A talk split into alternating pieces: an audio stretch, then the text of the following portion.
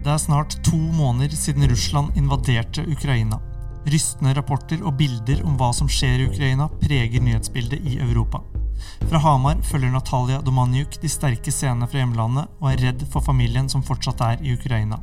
Dette er en spesialutgave av HAs krimpodkast Blålys.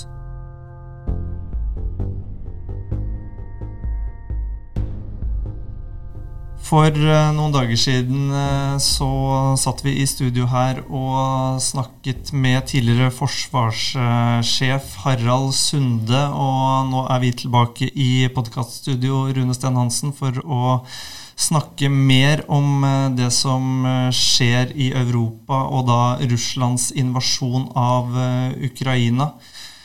Kan ikke du fortelle litt om hvordan situasjonen er i Ukraina nå? Vi får jo stadig meldinger om eh, dramatiske episoder og eh, den voldsomme tilværelsen som Ukrainas befolkning nå står i. Og selv om de nå har stått imot uh, hovedangrepet mot Kiev, så forbereder landet seg på en russisk offensiv øst i landet. Eh, I eh, fylkene Luhansk og Donetsk eh, har jo russerne stått sterkt helt siden de gikk inn i Ukraina i slutten av februar. Og nå tyder mye på at russerne omgrupperer for å sette inn et enda større støt øst i landet. Og bare nå, de, nå de, i løpet av de siste dagene så kommer det bekymringsmeldinger rundt uh, hva slags uh, våpen russerne uh, bruker. Det er Man har begynt å etterforske om det er hold i meldingene om at det er brukt, brukt bomber med fosfor. Og det er jo ja, ekstremt uh, skadelig. Uh, Storbritannias uh, forsvarsdepartement har nå satt i gang en undersøkelse og, for å finne ut om dette faktisk er tilfellet. Hvit fosfor, da, som det er snakk om, det, det, brenner når det kommer i kontakt med oksygen og forårsaker dype brannskader. Og det er da en stor frykt for at dette skal bli et, eh, et, vanlig våpen nå i krigen som spisser seg til øst i Ukraina og i eh, Mariupol, hvor det har vært eh, kraftige kamper. Og det her kommer jo da på toppen av det vi snakka om forrige episode, der det kom grusomme bilder av sivile som skal være drept, og det rapporteres jo fortsatt om store sivile tap uh, under uh, krigen. Uh, og verden har jo fordømt Russland, de aller, aller, aller fleste.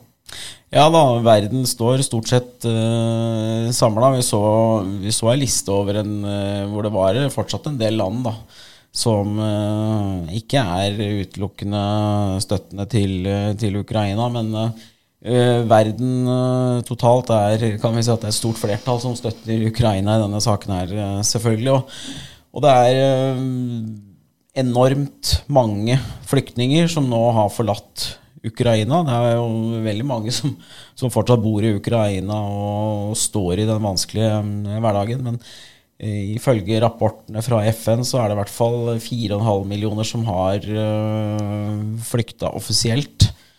Uh, antageligvis er tallet enda, enda, høyere. Og 90% av dem som har flykta fra Ukraina, er kvinner og barn. Mm. Uh, det er jo sånn at Ukrainske myndigheter de tillater jo ikke at uh, menn mellom 18 og 60 år får forlate landet. De, de, oppfordres til å, til å kjempe. Så, og vi tar jo imot flyktninger også her i, her i Norge i, ja, i stor skala. Og i dag har vi vært så heldige å få med Natalia Domanyuk. Eh, velkommen til deg. Takk. Du eh, er fra Ukraina, har eh, bodd i Norge fra 2017 og bor her i Hamar. Hvordan opplever du å sitte her i Norge og følge med på det som skjer i hjemlandet ditt? Det, det er utrolig vondt å bare se fra siden. Um, når, eh, når, alt begynte, jeg skulle nesten ønske at jeg hadde vært der uh, sammen med familien. Uh, men jeg, jeg prøver å hjelpe her fra Norge så godt jeg kan. Uh, gå på protester, tolke og gjøre alt jeg kan fra stedet jeg er. Mm. For du har fortsatt mye familie som er i Ukraina. Hva er det de forteller om det som skjer? Eh, jeg kommer fra vestlige delen av Ukraina, fra Khmelnytskij. Eh, der er det grusomt. Eh, det er rakettangrep og noen gatekamper var der i begynnelsen. men det som er mest vanskelig, det er å se på østen, øst, østlig del av Ukraina. Mm. og Kiev. Eh, Irpin, Bucha, alle de bildene og videoer som kom nå, alt det russiske soldater uh, gjør. Uh, det kom uh, flere det, det, kom informasjon også om voldtekt. at barn og kvinner ble voldtatt, ikke bare drept. og det kom flere bevis også på det, videoer som um, en venn av meg fortalte meg om. Så jeg spurte du usikkert skal ikke vise det til meg, skal ikke sende det. Og så han sa nei, du må, du må ikke se det. Nei. Det må, det må, jo være forferdelig å se, se, de bildene som eh, kommer fra, fra hjemlandet. Ja, det, det, er utrolig. Helt umenneskelig. Jeg, jeg, kan ikke tro på at sånne folk finnes på jorden det Ja. Mm. Ja, nei, det, det er helt, helt, forferdelig å se. Du har jo helt sikkert eh, snakka mye med familien som er der. Er du, er du redd når du sitter her og er så langt unna? Jeg var veldig redd i begynnelsen, også når, den dagen når det har vært rakettangrep på Khmelnytskyj. Um, men nå jeg prøver å begrense meg, eh, meg, selv på hvor mye jeg er eksponert til eh, nyhetene, fordi det, det gjør så vondt at jeg, ja, det, at jeg klarer ikke å leve normalt. Nei. Så, og det, det, her er jo i nyhetene hele tida. Altså, det er nesten umulig å unngå å se det, men eh, du prøver på en måte å og beskytte deg selv fra de verste inntrykka. Ja. Mm. Um, det har jo vært veldig mange som har eh, flykta, og spesielt lenger øst i Ukraina så har det jo vært eh, voldsomme kamper. Har du hørt noen av de historiene fra, fra de som har kommet seg ut? Uh, ja. Um, Faren min um, kjenner en venn som uh, tok imot um, en familie fra Mariupol. Mm. Uh, og det, de fortalte hvordan de klarte å komme seg ut. Det, det, er en egen historie som jeg tror fortjener oppmerksomhet. Mm. Um, de måtte finne en sjåfør fra Lviv uh, som var enig i å komme til Mariupol. Um, og det var veld, veldig farlig å, å, å gjøre det. Mm. Og når de var på, på grensen eh, mellom Mariupol og Ukraina, kontrollert eh, området av ukrainske militære, når de stod der på grensen, eh, russiske soldater eh, ba de å kle seg av eh, og vise eh, kroppen, om det har vært noen tatoveringer eller merker som tyder på at de er uh, ukrainske uh, patrioter. Mm. og, hvis, og de så, så, at hvis de finner noe, da skyter de alle som har noe sånne tatoveringer. Uansett om det er sivile eller hva det er? Sivile. Sivile mm. som prøver å komme seg ut. Ja. Så det, det, er veldig vanskelig. Det har, det, var, det har, vært mange forsøk på å lage humanitære korridorer, hvor mm. folk kan uh, være trygge og kan uh, komme til uh, komme seg ut. Men det fungerte ikke, dessverre. russiske soldater bare skyter på ukrainsk sivilbefolkning. Mm. Det her er jo uh, veldig dramatiske historier om folk som har uh, flykta og kommet seg bort fra krigen. Hvordan uh, er det å høre sånne dramatiske skildringer, Rune? Det er jo egentlig helt umulig å, å sette seg inn i, i det, som, det, som, skjer der. Og og Natalia forteller det om de, de menneskene da, som har, har noen tatoveringer som kan tolkes på en eh, viss måte, og det er nok til å bli skutt, så, så er jo det en av, av mange grusomme historier vi, vi hører ifra Ukraina nå. Det, vi føler jo alle med det ukrainske folk som, eh, som, står i det her. Og jeg skjønner at Natalia, som sitter her i Norge og har det i og for seg trygt, at det må være vanskelig for henne å vite at uh, hennes uh, landsmenn har det på den, den måten. Eh, vi har jo fått rapporter om at russerne har eh, bombet gått direkte etter eh, sykehus. Eh, 21 sykehus eh, skal visstnok være sønder eh, bombet, og at man har spesifikt bomba sykehusene. Det er, det er liksom helt, helt, en helt merkelig strategi. Og ja, ettertiden vil jo Eh, selvfølgelig diskutere eh, og dømme disse krigsforbrytelsene som vi nå opplever. Men uh, akkurat nå så hjelper jo ikke det det ukrainske folk som, som står, i den, står, i det verste vi har opplevd i Europa siden andre verdenskrig. Nei. vi var inne på det at det er kvinner og barn som kan flykte, men må være igjen for å slåss. Og russerne har jo blitt møtt mer motstand enn det de kanskje kunne forvente. Hvordan er det å se den på en måte kampviljen og viljen til å forsvare Ukraina som det de ukrainske styrkene viser? Ja, jeg, jeg, alt, jeg, kunne ikke forvente først og fremst, jeg kunne ikke forvente at det blir faktisk krig. Eh, jeg trodde at det var propaganda og bare sånn for å skremme. Uh, men jeg, jeg, viste dypt inni meg at hvis noe skulle skje, at folk kommer til å stå opp og uh, kjempe for friheten og for landet vårt. Så det, mange viste, uh, helt fra starten, mange viste interessen å kjempe, mange menn. I territorial defense, uh, for eksempel, det er um, um, mange menn som meldte seg på, men fikk mm. ikke plass. Eh, så det, det, er gledelig å se at eh, folk vil kjempe for eh, friheten vår. Mm. Og det er jo også mange fra andre land som har dratt dit for å være med og, og kjempe. Og også, også, nordmenn som har meldt seg for å kjempe for Ukraina. Er det, er det fint å se den støtten som Ukraina har rundt omkring i verden? Det, det, det, gir ekstra inspirasjon. Mm. Er, eh, vi, er, vi, er, takknemlige for alt støtte vi får. Mm. Eh, og fra Norge. Det at Norge bestemte å gi, gi våpen, det var et helt spesielt tilfelle.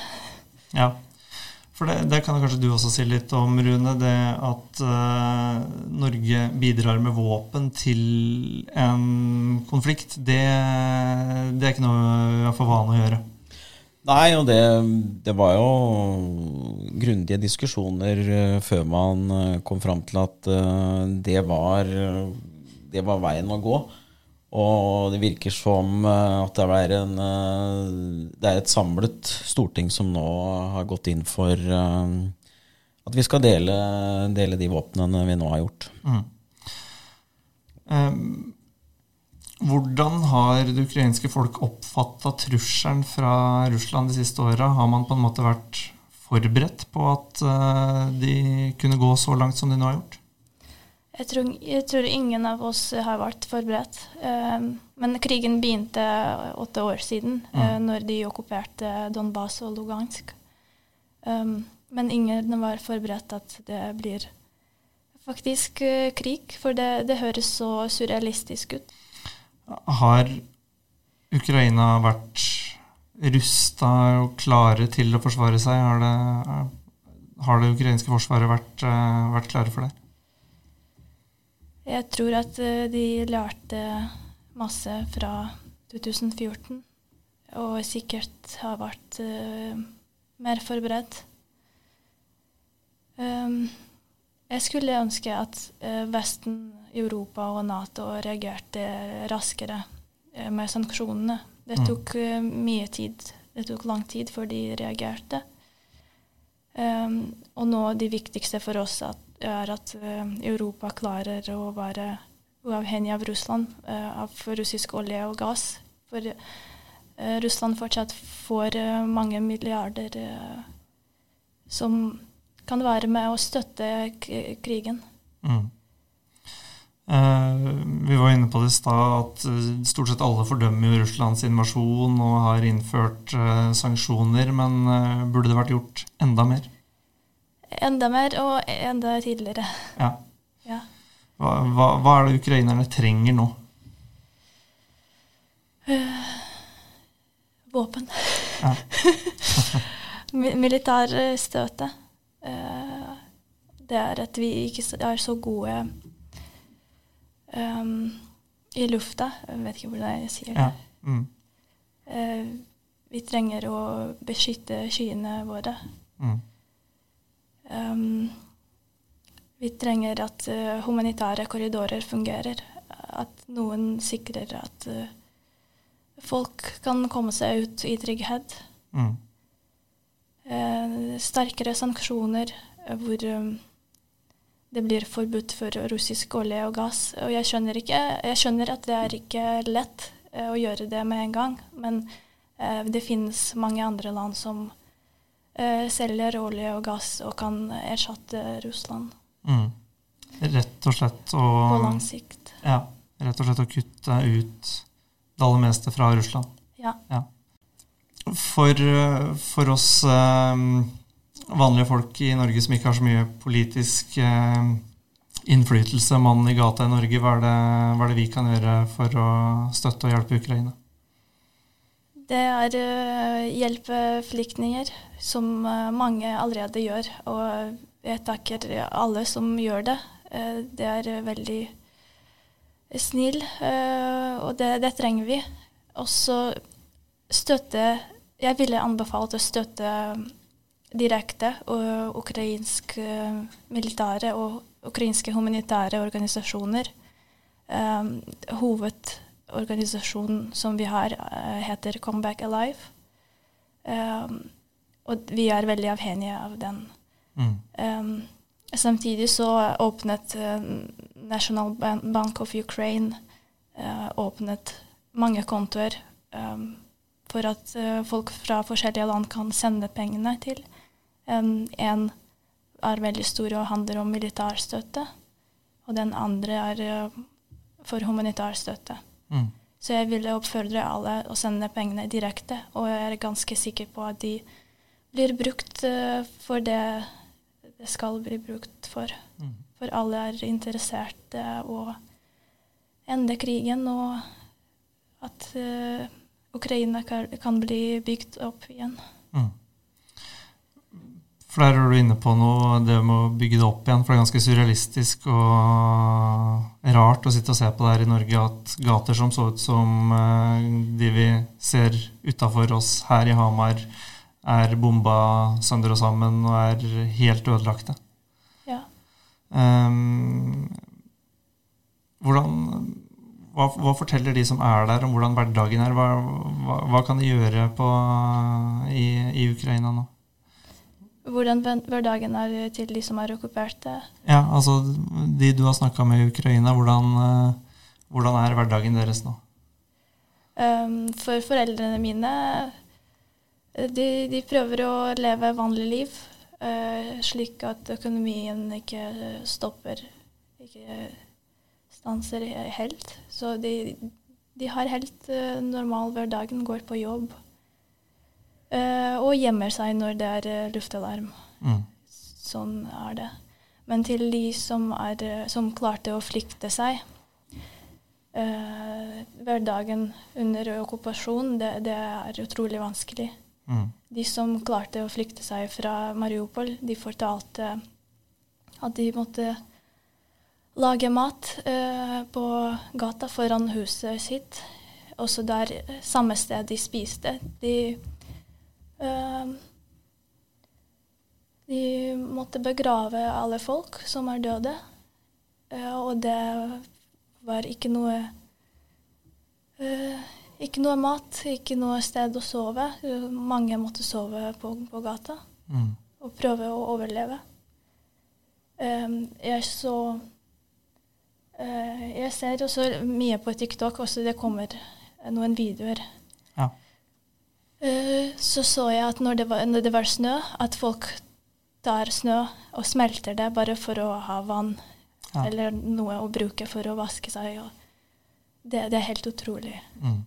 For der, eh, der eh, det har vært som verst, så har det verken vært vann, det har ikke vært elektrisitet. eh, Folk har vært sperra inne i husene sine. Jeg leste senest i dag eh, om en som hadde sittet i et kott i flere dager, og når han hadde gått ut på gata, så hadde det første som hadde møtt den var russere som hadde sikta på ham med våpen og trua med å skyte. Det, det, det må være veldig, veldig vanskelig for, eh, for de som er i den situasjonen. Ja. Og så russiske soldater. Eh, Det har vært flere rapporter på om russiske soldater prøver å At de tar ukrainsk befolkning fra okkuperte områder, og så flykter de uten vilje til Russland. Mm. Og det er eh, enda mer grusomt eh, Ja. når jeg bare prøver å eh, forestille meg hvordan det er at eh, hvis jeg hadde vært der fra Mariupol, huset mitt er ødelagt, og så kommer det russisk soldat og eh, sier at nå skal du til Russland. Mm. Det er helt utrolig. Det er vel det siste stedet ukrainere ønsker å være nå. Ja. Mm. Eh, det har jo allerede kommet en del flyktninger til Norge. Har du, har du møtt noen av de ukrainske flyktningene som har kommet til Norge? Eh, nei, jeg har ikke møtt noen. Eh, jeg har ikke møtt noen flyktninger. Nei. Men det har i hvert fall kommet uh, Vi nærmer oss vel 12 000 flyktninger, uh, ukrainske flyktninger som har kommet til Norge. Og vi får melding om rundt 300-400 nye hver eneste dag. Så det er jo ingen tvil om at uh, Norge stiller opp og uh, kommer til å ta imot så mange man klarer å å håndtere. Og så handler det om eh, at alle har et ansvar for å hjelpe til med å integrere dem i, i samfunnet vårt her, og til de en dag eh, kanskje har lyst til å dra hjem igjen og være med å bygge opp igjen landet sitt. Og her vil det jo kreve mye både fra skoler og det andre, og det andre når det, de kommer inn i skole, barn som kommer på skole og ikke snakker språket. Det vil jo det vil jo være mange behov som skal dekkes i tida som kommer eh, for, eh, for ukrainske flyktninger. Um, Jeg hørte at det blir at Hamar kommune tar imot 130 eller noe sånt. mm. Det blir spennende å være med og bidra der. Ja, for der kommer du til å være med og bidra fremover. Mm. Mm. Hva er det du vil gjøre da? Tolke, vise Hamar, fortelle om Norge. Uh, svare på spørsmålene. Mm. For det, det her er jo folk som har opplevd veldig mye fælt, og det må jo også handle litt om å prøve å gi dem en så god hverdag som mulig når de har klart å komme seg bort fra grusomheten. Og der kan vi vel alle gjøre en eh, innsats når de kommer hit. Um, nå har jo det her vart uh, ganske lenge allerede. Ser du for deg at uh, krigen kan ta slutt i nær framtid? Det er mange som prøver å eh, forutse hvordan det blir Mm. i Ukraina nå. Eh, jeg vet ikke helt. Håper at det kan ta slutt så fort som mulig. Eh, jeg, tenkte også mm, for eh, i sommeren jeg skal ha ferie, og jeg vil gjerne se familien min. Mm. Eh, og jeg tenkte at eh, kanskje jeg skal dra uansett. Ja, Du tenker på å dra til Ukraina uansett hvordan situasjonen er der? Ja. For det jo må være vanskelig. Det er jo, det er jo ikke lett verken å komme seg inn eller ut for å, for å se familien. du har kun kontakt med dem over, over telefon? Ja. ja. Jeg håper at til sommeren det blir lettere mm. å reise. Ja. Hva er det du tror må til for at Russland skal, eh, skal stoppe invasjonen og legge ned våpen? Eh, det er sanksjonene. Eh, også at russisk befolkning står opp og prøver å endre regimet. Uh, og det, det, gjør veldig vondt å se på meningsmålinger at fleste støtter det. Og mm. de pga. propaganda Jeg vet ikke hva er grunnene, men at fleste støtter det. statlige målinger viser at det er 70 Og jeg, jeg skjønner at vi kan ikke tro på statlige målinger. Ja. Men det har vært noen uavhengige meningsmålinger som viser at det er 50-60 eh, mm. Og når vi ser hva som kommer fra russisk eh, hold av informasjon, så er det vel veldig mye som tyder på at informasjonen den russiske befolkningen får, er en helt annen enn det resten av eh, Europa og verden blir fortalt om hva som skjer i Ukraina. Eh, det har, jo, har man jo sett i mediene også, Rune, hva, hvor stor forskjellen er mellom informasjonen som kommer fra Russland og informasjonen som kommer fra andre steder. Ja, og Det er jo ikke noe unikt i krigssituasjoner. Det er jo sånn vi opplever i alle, alle kriger. at uh, Vi husker jo fra uh, krigen i Irak, hvor, vi, hvor komiske Ali ble på en måte et uh, begrep etter hvert. Og ja, at det kommer motstridende beskjeder i en sånn krigssituasjon, det tror jeg er noe vi bare må forholde oss til. Og så er det interessant da å se hva Zelenskyj uh, hele tiden snakker om. Han ønsker jo å forhandle seg til en fredelig løsning, men han innser jo at uh, det å forhandle med en part som har gått inn i landet på den måten det er gjort, det er vanskelig, nesten, nesten umulig. Han, han, han, blir jo sitert på at ingen ønsker å forhandle med en person eller med et folk som har torturert landet. Så det er en, det er en vrien situasjon det her. Ja, og det er jo nesten vanskelig å tenke seg hvordan man kan sette seg ned ved forhandlingsbordet og forhandle om fred med russerne når de har gjort det de har gjort.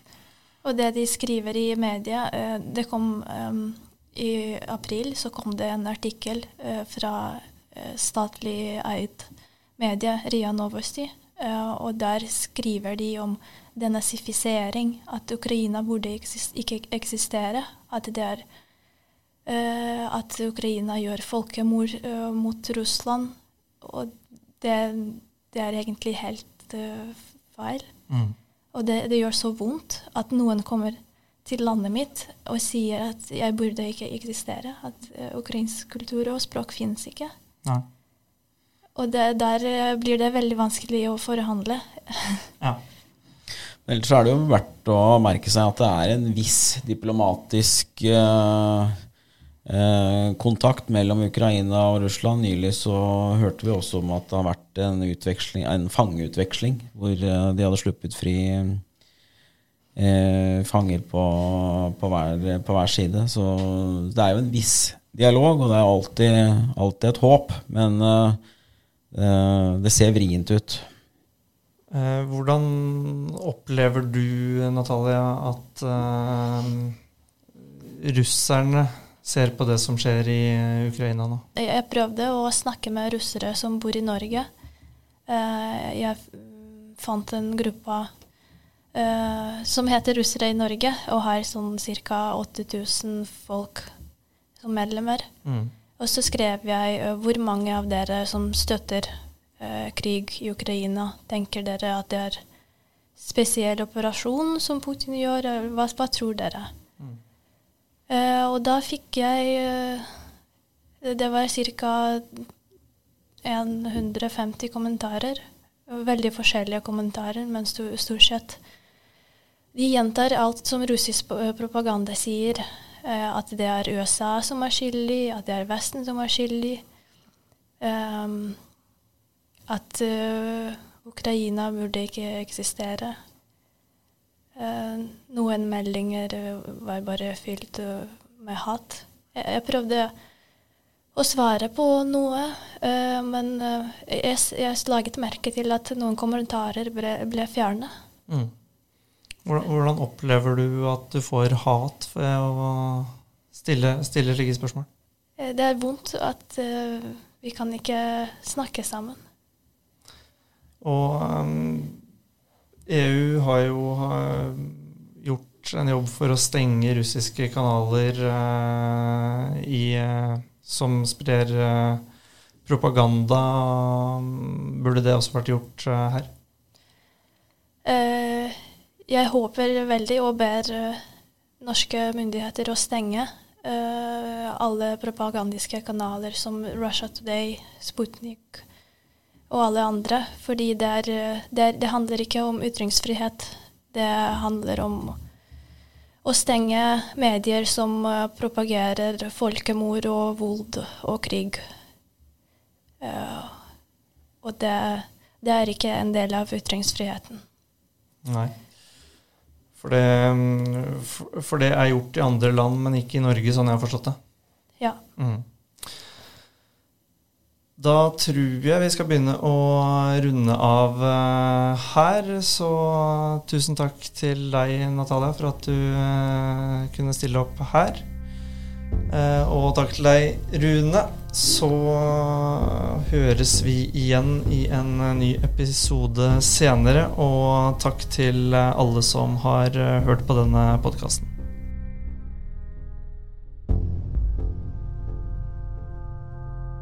Podkasten Blålys er laget av Asgeir Høymoen og Trond Svendsen.